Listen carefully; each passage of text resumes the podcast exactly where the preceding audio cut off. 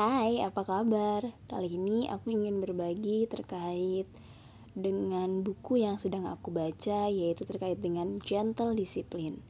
Disclaimer terlebih dahulu, kalau aku tidak menggurui siapa pun, aku juga belum punya anak dan ayo kita sekarang belajar bersama-sama untuk memahami bagaimana cara mendidik dengan disiplin tanpa ancaman dan hukuman.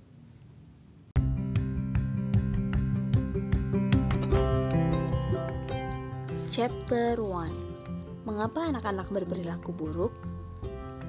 Memahami penyebab perilaku buruk anak Anda adalah titik awal untuk mengetahui cara memperbaikinya.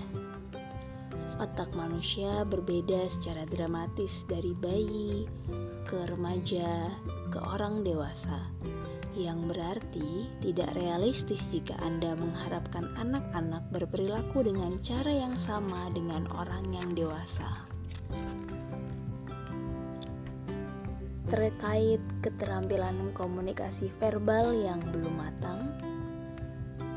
Jika seorang anak berusaha begitu keras untuk mencari perhatian orang tuanya, tidak masuk akal jika Anda mengabaikannya. Jauh lebih sehat untuk memberi mereka perhatian.